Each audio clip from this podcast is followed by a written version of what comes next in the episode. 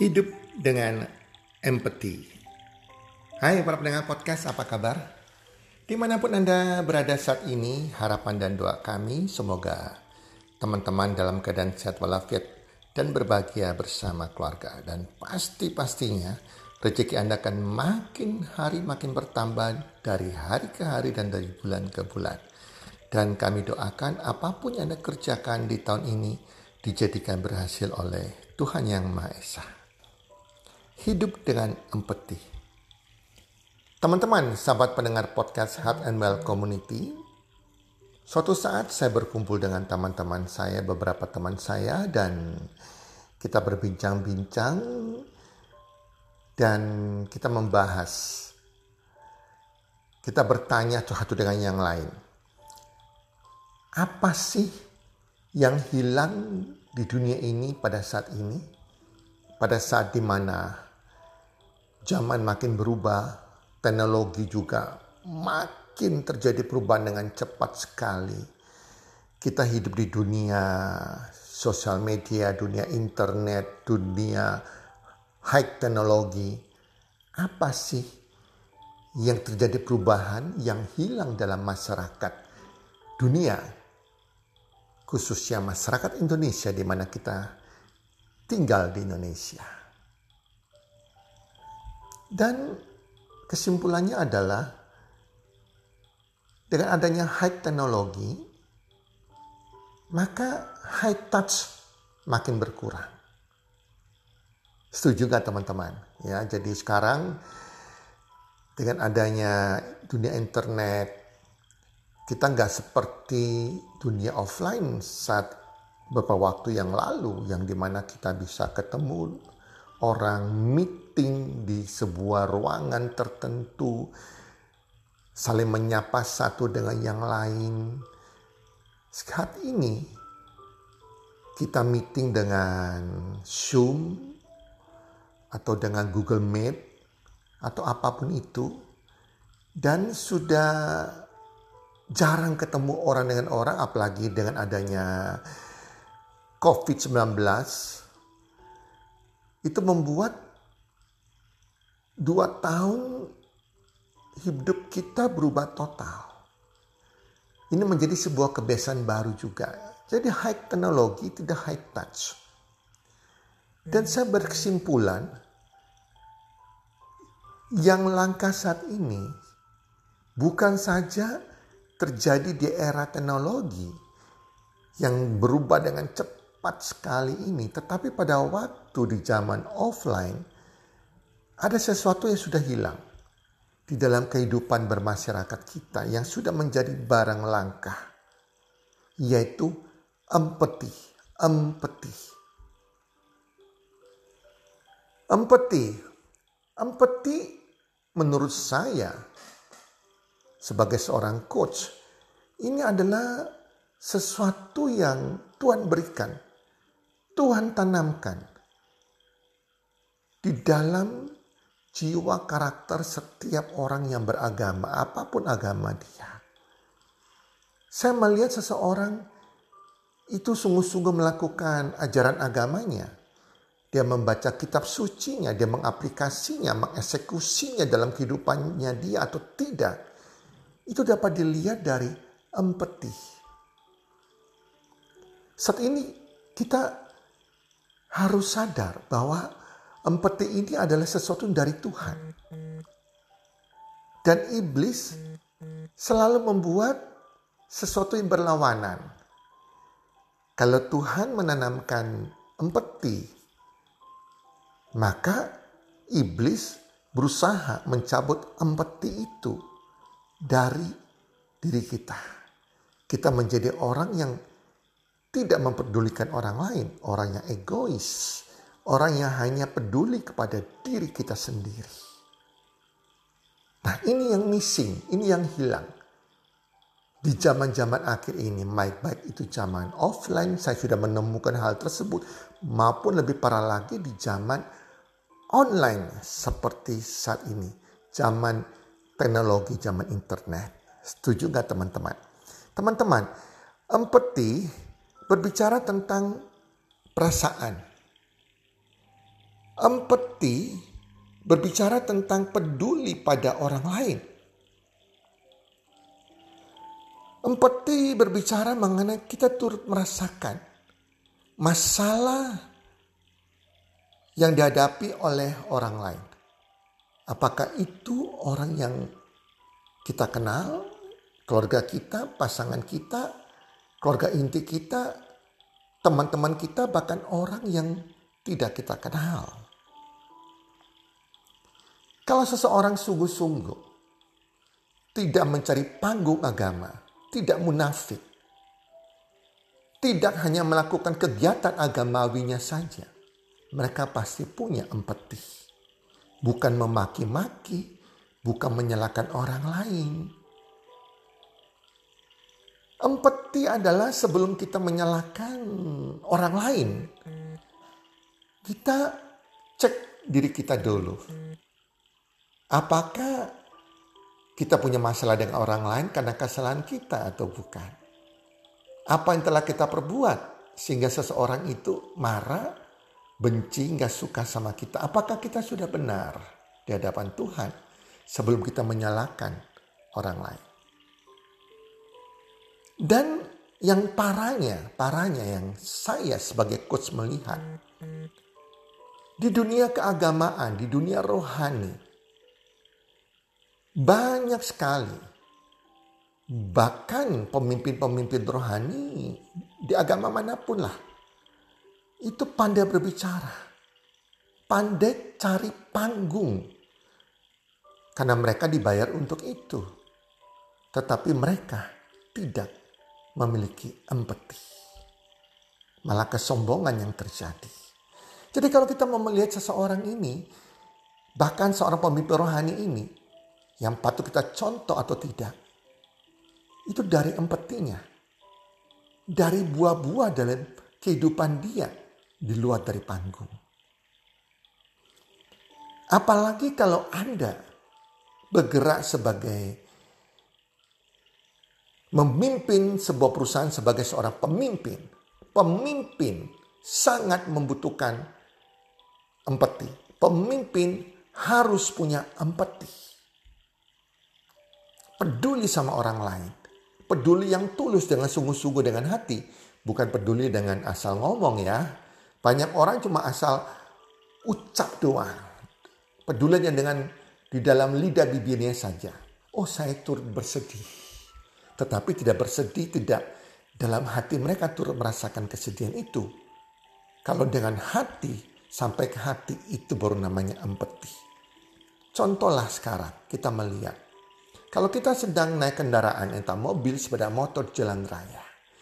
Dan kita melihat ada orang tua yang kelaparannya meminta-minta untuk makan. Nah di situ kita bisa melihat seseorang ini punya empati apa enggak. Reaksi orang kebanyakan dia cuek, masa bodoh. Mungkin dalam hatinya berkata, kamu miskin, kamu gak bisa makan, saya juga demikian. Atau mungkin dalam hatinya berkata menghakimi orang tersebut, wah ini orang berdosa sehingga hidupnya sudah tua, miskin, minta-minta. Jadi kita nggak peduli. Apalagi mau memberikan bantuan. Tapi orang yang empati ada orang yang tergerak hatinya. Sehingga dia memberikan bantuan keuangan. Saya tidak mengajarkan Anda untuk setiap orang meminta-minta Anda memberikan sumbangan, memberikan uang walaupun itu kecil. Karena itu juga tidak mendidik. Dan banyak sekali, sekali orang memotivasi motivasinya itu ya pura-pura jadi pengemis. Dan itu tidak mendidik mereka. Ini saya berbicara kepada memang orang sudah tua, cacat yang patut ditolong. Kalau kita nggak sempat mengeluarkan dompet, memberikan bantuan keuangan, orang yang empati, dia akan berdoa dalam hatinya. Tuhan, tolong orang tua ini, tolong berkati dia. Tolong keluarkan dia dari masalah keuangan dia. Tolong Tuhan. Berkati dia buat dia bahagia. ada doa yang terucap. Jadi orang empati adalah orang yang berdoa kepada orang lain. Berdoa kepada orang-orang yang punya masalah. Entah dia keluarganya dia sendiri, entah temannya dia, entah orang yang dia tidak kenal. Masalah pemerintahan. Apa pun itu. Keadaan yang dia prihatin dan dia doakan. Itu orang yang petih. Dia tidak mencari panggung. Tidak dilihat oleh manusia. Tapi Tuhan melihat isi hatinya. Tuhan yang Maha Esa melihat isi hatinya dan apa yang dilakukan. Pemimpin harus memiliki empati. Tapi kalau bos atau manajer yang karakternya bos, dia tidak punya empati. Contohnya dalam sebuah perusahaan. Ada sebuah kepala bagian di perusahaan tersebut yang ada anak buahnya, pegawainya yang sudah dua kuartal omsetnya menurun terus. Pada waktu ketemu di kantin, seorang pemimpin yang tidak berempati akan mengatakan demikian. Contoh saya sebut Ali lah. Ali, kamu sudah dua kuartal ini omsetmu menurun. Kalau kuartal ketiga omsetmu makin menurun, saya tidak menjamin seperti apa masa depanmu di perusahaan ini. Ingat ya, nah itu pemimpin yang tidak empati. Tetapi pemimpin yang empati beda cara penyampaiannya. Dia akan mengatakan dengan hati, Ali, saya lihat omsetmu dalam dua kuartal ini menurun. menurun. Apakah Anda oke? Okay? Anda baik-baik saja? Apakah Anda punya masalah? Saya sangat mengkhawatirkan keadaanmu, Ali. Apa yang sedang terjadi? Saya berdoa, saya harapkan semoga kuartal ketiga ini kamu bisa meningkatkan omsetmu. Apa pun masalahmu terjadi saat ini. Coba cari solusinya. Bawa dalam doa. Serahkan kepada Tuhan Yang Maha Esa. Oke Alia. Kalau Anda mau share ke saya silakan. Saya siap mendengarkan. Nah teman-teman lihat. Beda sekali. Pengucapan dalam kasus yang sama. Tapi cara mengucapnya orang yang empati dengan tidak empati. Nah, teman-teman, ini yang harus dimiliki oleh seorang pemimpin dalam sebuah organisasi, dalam sebuah perusahaan. Pemimpin harus punya empati. Empati saat ini sudah kritis sekali. Bahkan di kalangan di dalam keluarga sendiri, suami dan istri tidak punya empati, saling menyalahkan, Orang tua dengan anak juga demikian, bahkan anak ke orang tua. Kadang orang tua marah kepada anak.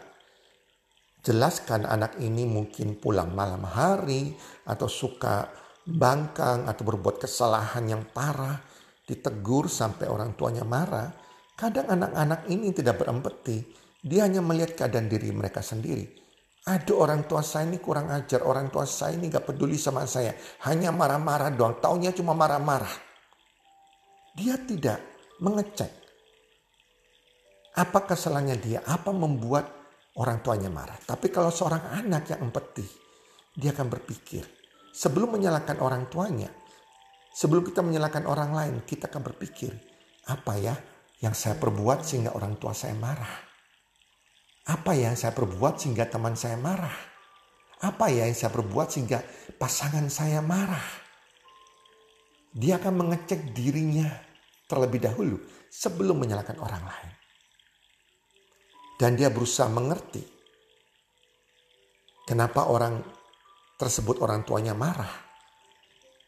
Dan bahkan dia akan mendoakan orang tuanya. Tuhan tolong redakan marah orang tua saya. Berikan orang tua saya kebahagiaan, kesehatan dan umur panjang. Berikan dia pengertian terhadap saya dan saya berjanji saya akan merubah hidup saya, merubah karakter saya menjadi anak yang membanggakan orang tua, anak yang melakukan apa orang tua suka dan tidak melakukan apa yang orang tua tidak suka. Itu teman-teman, empati. Bicara mengenai orang tua, kita juga bisa bicara mengenai Tuhan yang Maha Esa sebagai pemimpin kita, orang tua kita juga. Kalau kita cinta kepada Tuhan yang Maha Esa dalam agama apa pun, kita akan melakukan dengan sungguh-sungguh, dengan tulus hati, dengan empati, apa yang Tuhan suka kita lakukan. Dan kita akan menghindari, tidak melakukan, dan haram melakukan, haram melakukan apa-apa yang Tuhan tidak suka untuk kita lakukan. Kita bisa membedakan mana pengajaran dari Tuhan yang Maha Esa di ajaran agama kita dan kita bisa membedakan mana pengajaran dari si iblis yang mau menghancurkan pengajaran Tuhan yang mau menculik empati kita. Teman-teman, yuk empati ini itu harus dipraktekkan. Harus dipraktekkan, harus dibiasakan. Harus kita belajar mau melakukannya. Kita nggak mungkin punya empati kalau kita tidak praktekkan empati itu. Mulai dengan mendoakan orang lain. Mendoakan orang tua Anda lah. Mendoakan pasangan Anda. Mendoakan mertua Anda. Mendoakan, mendoakan teman-teman Anda. Peduli sama orang lain. Mendoakan masalah orang lain. Mendoakan bangsa dan negara kita. Bukan dengan demo-demo bukan dengan perusakan, bukan dengan perbuatan anarkis, bukan mau menghancurkan bangsa ini, bukan dengan politik terselubung, bukan itu orang tidak berempati. Dan saya sedih sekali orang-orang terpengaruh dengan ajakan-ajakan sesuatu gerakan politik yang tersembunyi radikalisme. Mereka tidak beriman. Kalau mereka orang beriman, mereka tahu dan mereka punya empati. Mereka tahu ini dari Tuhan atau bukan. Atau dari iblis yang merasuki orang-orang tersebut. Jangan ikut-ikutan. Kita mengikuti orang-orang yang bijaksana. Orang-orang yang memang tulus. Orang-orang yang memang bisa kita ikuti. Jangan asal melihat dia pemimpin rohani kita. Atau pemimpin sebuah organisasi kita. Kalau dia tidak empati, jangan kita ikuti. Tetapi kita belajar. Mulai dari kita belajar jadi kita yang benar, kita yang memiliki empati. Karena itu bernilai dan berharga di mata Tuhan. Dan itu harus dipraktekkan. Teman-teman, semoga podcast kali ini bisa bermanfaat bagi Anda semua. Para pecinta, penggemar podcast Heart and Well Community. Dan mulailah kita memiliki empati. Salam sukses. One, two, three.